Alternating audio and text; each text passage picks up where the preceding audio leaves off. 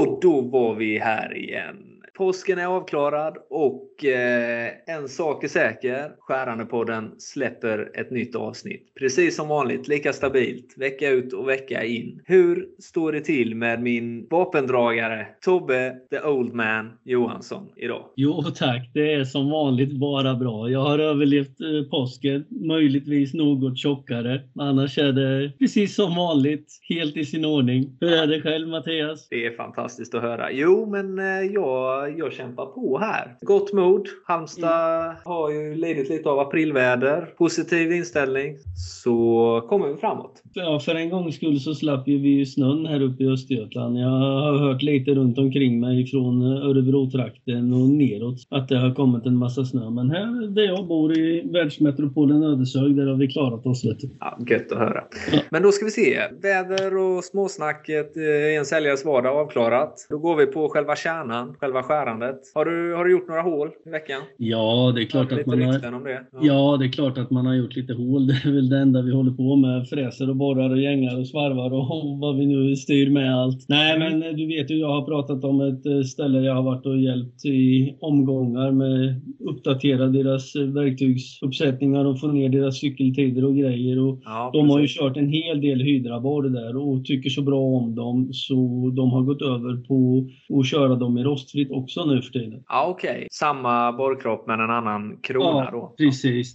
Det är ganska enkelt. Det är så, som du vet, eh, kronan heter ju RN950 för stål och RN960 för rostfritt. Exakt, den som är lite, ja, lite vassare geometri precis. Mm. Precis. Och den behöver inte vara till rostfritt utan den kan vara en problemlösare för andra grejer också. Absolut. Den men... Eh, kräver ju lite mindre kräm också när man har en positiv geometri. Mm. Maskinen som inte orkar kanske eller inte har samma styrka så kan man testa den, borrkronan också. Ja, precis. Borrning är ju en konstform som... Eh, nej, men det finns ju så otroligt många aspekter i det här med borrning. Det ju, ja. spelar ju roll vad det är för material, vad det är för maskin, och vad du ska göra. Ska du bara borra ett hål eller ska du brotcha efteråt eller ska du gänga eller vad? Ja, men precis. På tal om brotchning så har vi ju brotchat lite i veckan. Några lyssnare från, eh, ja vad ska man säga, från rikets andra stadområde, får inte outa någon för mycket då. Nej. Eh, som har gjort lite P6-toleransspår där vi kom fram till att Brotch B170 5.98 med en plustolerans på 5000 delar motsvarade det spåret då med P6-tolerans diameter 6. Då. Det är mm. riktigt kul.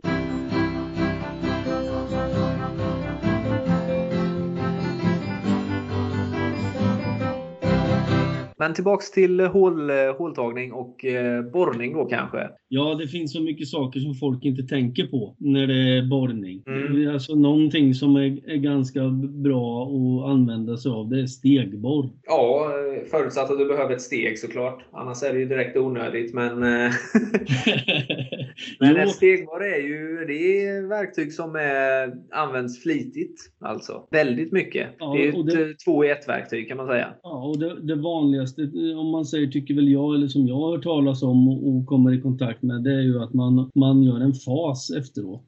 Alltså ja, man exakt. borrar och så får du fasen samtidigt som man slipper och, grada. Sen finns det ju, vad heter det, steg, det finns ju stegborrar som har olika steg eller två steg, tre steg och, och vad du är. Men vanligast ja, två steg, om man så Två steg och tre steg kan ju finnas ja. kanske, men fyra blir kanske lite för mycket. Men mm. det är väl där, det har väl jag väl sett någon gång. Och så, ja, sen är det olika tapplängder och olika faser som du säger. Gradtalen. Mm. Och för att skryta lite så har ju vi faktiskt i vårt standardsortiment stegborr som är avsedda för egentligen skruvskallar. DIN ja. 7991 till exempel, den fasade skruven och ISO 512, den vanliga så kallade insektsskruven med ja, fyrkantig skalle om vi så får döpa den till. Ja, just det. De, är ju, de här borren är ju avsedda för det alltså det är tyvärr all, inte alla som vet att vi har dem, men när man får chansen att visa dem så tycker folk att det är väldigt bra. Det är fantastiskt bra. Jag vet. Mm. Och det, det, är det som man ofta gör misstaget. Man letar stegborr, går in på special och tänker ja men då ska jag göra något sånt eller något sånt. Men så vet man, jaha vad fan. Där finns ju standardsortiment både med steg om 90 grader och 180 grader steg mm. och så olika tappborrar med då om man säger säger så. Ja. För de vanligaste gängdimensionerna. Liksom. Så det, det finns eh, ja. mycket standard och mycket enkla lösningar som, eh, som ligger på lager och väntar istället för att krångla till det. Ja. Eh, helt enkelt. Det är ju det som är problemet när man har en så pass bred varukorg att eh,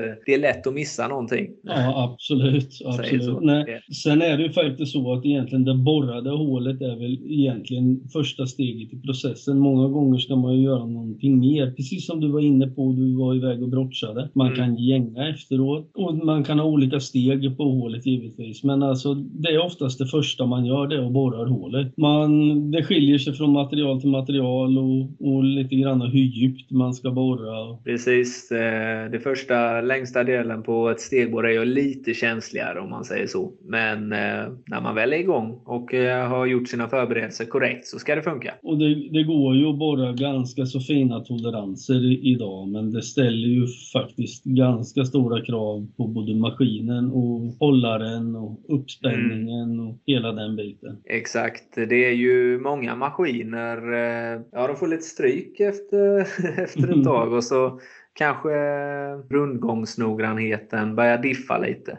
Eh, och så gör man service på den efter ett par månader varav det i sin tur då eh, kanske leder till en, eh, ja, att man accepterar lite lägre beroende på vem som utför servicen. Det finns ju många maskinleverantörer som tänker att ja, en hundradel, det, det kan det diffa med. Det accepteras liksom i maskinen. Då kanske man kan göra servicen själv och få ner det till en tusendel. Eller vissa har ju ännu mycket finare noggrannheter än så. Va? Så det är ju som vi har varit inne på, det spelar ju ganska så stor roll. Borrar man och har kanske då mycket kast i spindeln eller något sånt så mm. får du ju faktiskt du får ett trekantigt hål om man förstorar upp det eller börjar mäta det väldigt noggrant. Tar man exemplet att vi gängar så, och speciellt om du pressgängar, mm, så exakt. gör ju det en enorm skillnad på livslängden på en gängtapp och även kvaliteten på gängan givetvis. Jajamän, den är extrem här. Är inte hålet bra så blir inte gängarna bra heller och det där är ganska viktigt att tänka på. Det är tyvärr inte alla som gör gör.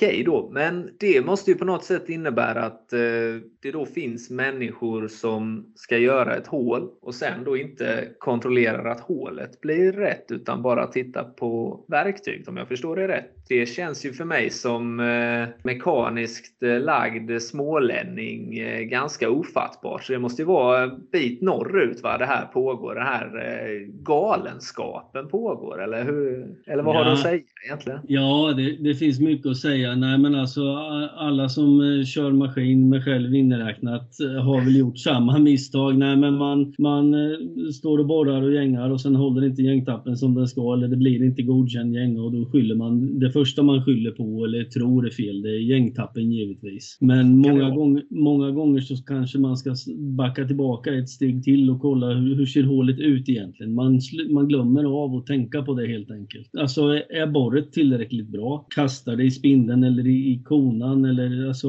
är hållaren taskig? Sitter mm. inte biten fast så du får det här ovala hålet eller om du får ett koniskt hål du kanske till och med är så att man har för små detaljer som man drar åt för hårt i ett skruvstycke så när du borrar hålet och borret backar ur så klämmer skruvstycket till exempel ihop detaljen eller svarven då. Du trycker ihop hålet och sen ska du gänga. Det finns jättemånga aspekter i, i det här. Det gäller liksom att titta på hela kedjan när det är någonting som inte är godkänt. Det är liksom det jag vill eh, påpeka, att man glömmer gärna hur är hålet innan man gängar. Utan att man går direkt på gängtappen och skyller på den. Liksom. Ja, men det är, det är en viktig poäng du drar upp där faktiskt. Mm. Eh, det, är det. är också viktigt med pressgängarna att man har rätt eh, storlek på hålen där. Det har vi säkert nämnt vid något tillfälle tidigare att vid pressgäng tappas så ska hålet vara lite... Du har en lite större borrdiameter när du kör för pressgängning än vad du har för skärande gängning till exempel. Precis, och då blir ja. hålet större med. Och det är ju som så. Har du ett uh, hål som är 10 mm i diameter, mäter du det med en tumstock så ser du kanske att ja, men då är det 10 mm. Men Precis. mäter du det med en, uh, en trepunktsmikrometer, ja men tusendelar mm. är det. Mm. Då kanske det helt plötsligt är 9.98 eller 971 ja. eller någonting. Liksom. Ja. Eller kanske till och med över. Ja. 10.021 exempelvis. Mm. Det sämsta scenariot du kan hamna i det är om du får det här så kallade triangelformade hålet. Så kanske du då, om du har lite otur så mäter du även med en trepunktsmikrometer. Mm, ja, men exakt. hålet är rätt. Men vrider du lite på mikrometern så har du tre nya punkter att mäta på. Då kanske det är väldigt litet hål. Eller Precis. som du var inne på, för stort. Precis. Så diametern blir... är inte jämn helt enkelt. Nej, och då blir kvaliteten på gängan därefter. Ja. Eller om man går över och tittar på brottsning så ja. får du exakt samma resultat där. Antingen så får brotten kämpa för mycket eller så finns det ingenting kvar att ta. Precis. Och det har ju att göra med att spårarna då sen när man tillverkar antingen om man ska förfina hålet med en brotch eller göra det mm. med en gängtapp. Det är att eh, spånerna inte blir jämntjocka om man säger. Utan då kommer mm. de bli olika tjocka. Mm. Och eh, det leder ju i sin tur till eh, kortare verktygslivslängd.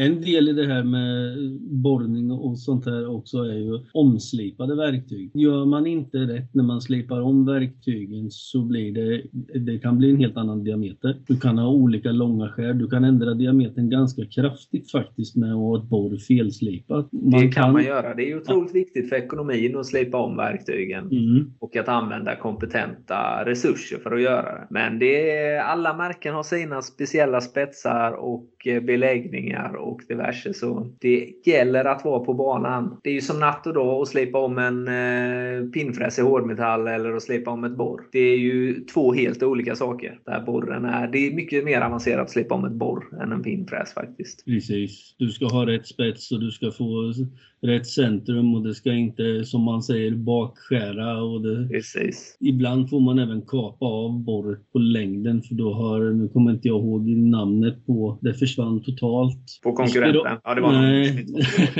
de glömmer jag alltid. Styrlistorna eller? Styrlistorna heter det, ja. tack. Du ser. Nej, men om man säger, är de väldigt hårt nedslitna en bit upp på borret så måste man kapa av det. Annars så kommer du få ja. ännu mer problem till exempel vid borrning eller brottsning och gängning. Då blir mm. ju diametern blir ju för liten hur du än gör. Den mm. nöts ner sakta men säkert. Precis som du gör när jag pratar med dig.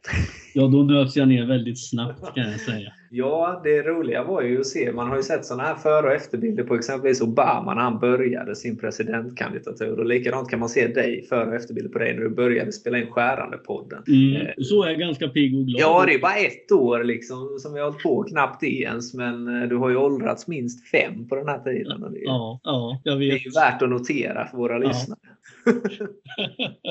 yes, och detta var ju ett eh, mjukt men eh, skönt avsnitt om man säger så för de som gillar det. Eller vad säger du Tobbe? Ja, det var väl ett eh, tempo som även en gammal farbror som jag orkar med utan problem. Ja, precis. Och så lite ja. repetitivt och så för våra trogna lyssnare och sånt. Så, och lite så för de som eh, tillkommer här. Eh, Absolut. Det är väldigt roligt att eh, vi får sån spridning på det och att ni lyssnar och att ni skickar in tankar, åsikter och feedback feedback. Man får ju en hel del kontakt, nya kontakter och frågor efter det här, vilket vi tycker är väldigt roligt. Nu så kommer vi lägga, ändra lite upplägg på det, så nästa avsnitt kommer bli eh, lite annorlunda, tippar jag på. Det tror jag säkert. Men, eh, så nu pitchar vi lite för det. Vi hoppas att eh, ni lyssnare väntar med spänning på även detta. Ja, lite vassare, lite mer high-tech kanske. Något åt hållet. Lite djupare ja. kanske. Ja. Med det sagt så stort tack till dig som har lyssnat. Vi hörs nästa vecka. Ha det gött! Ha det bra! Hej då! Hej då!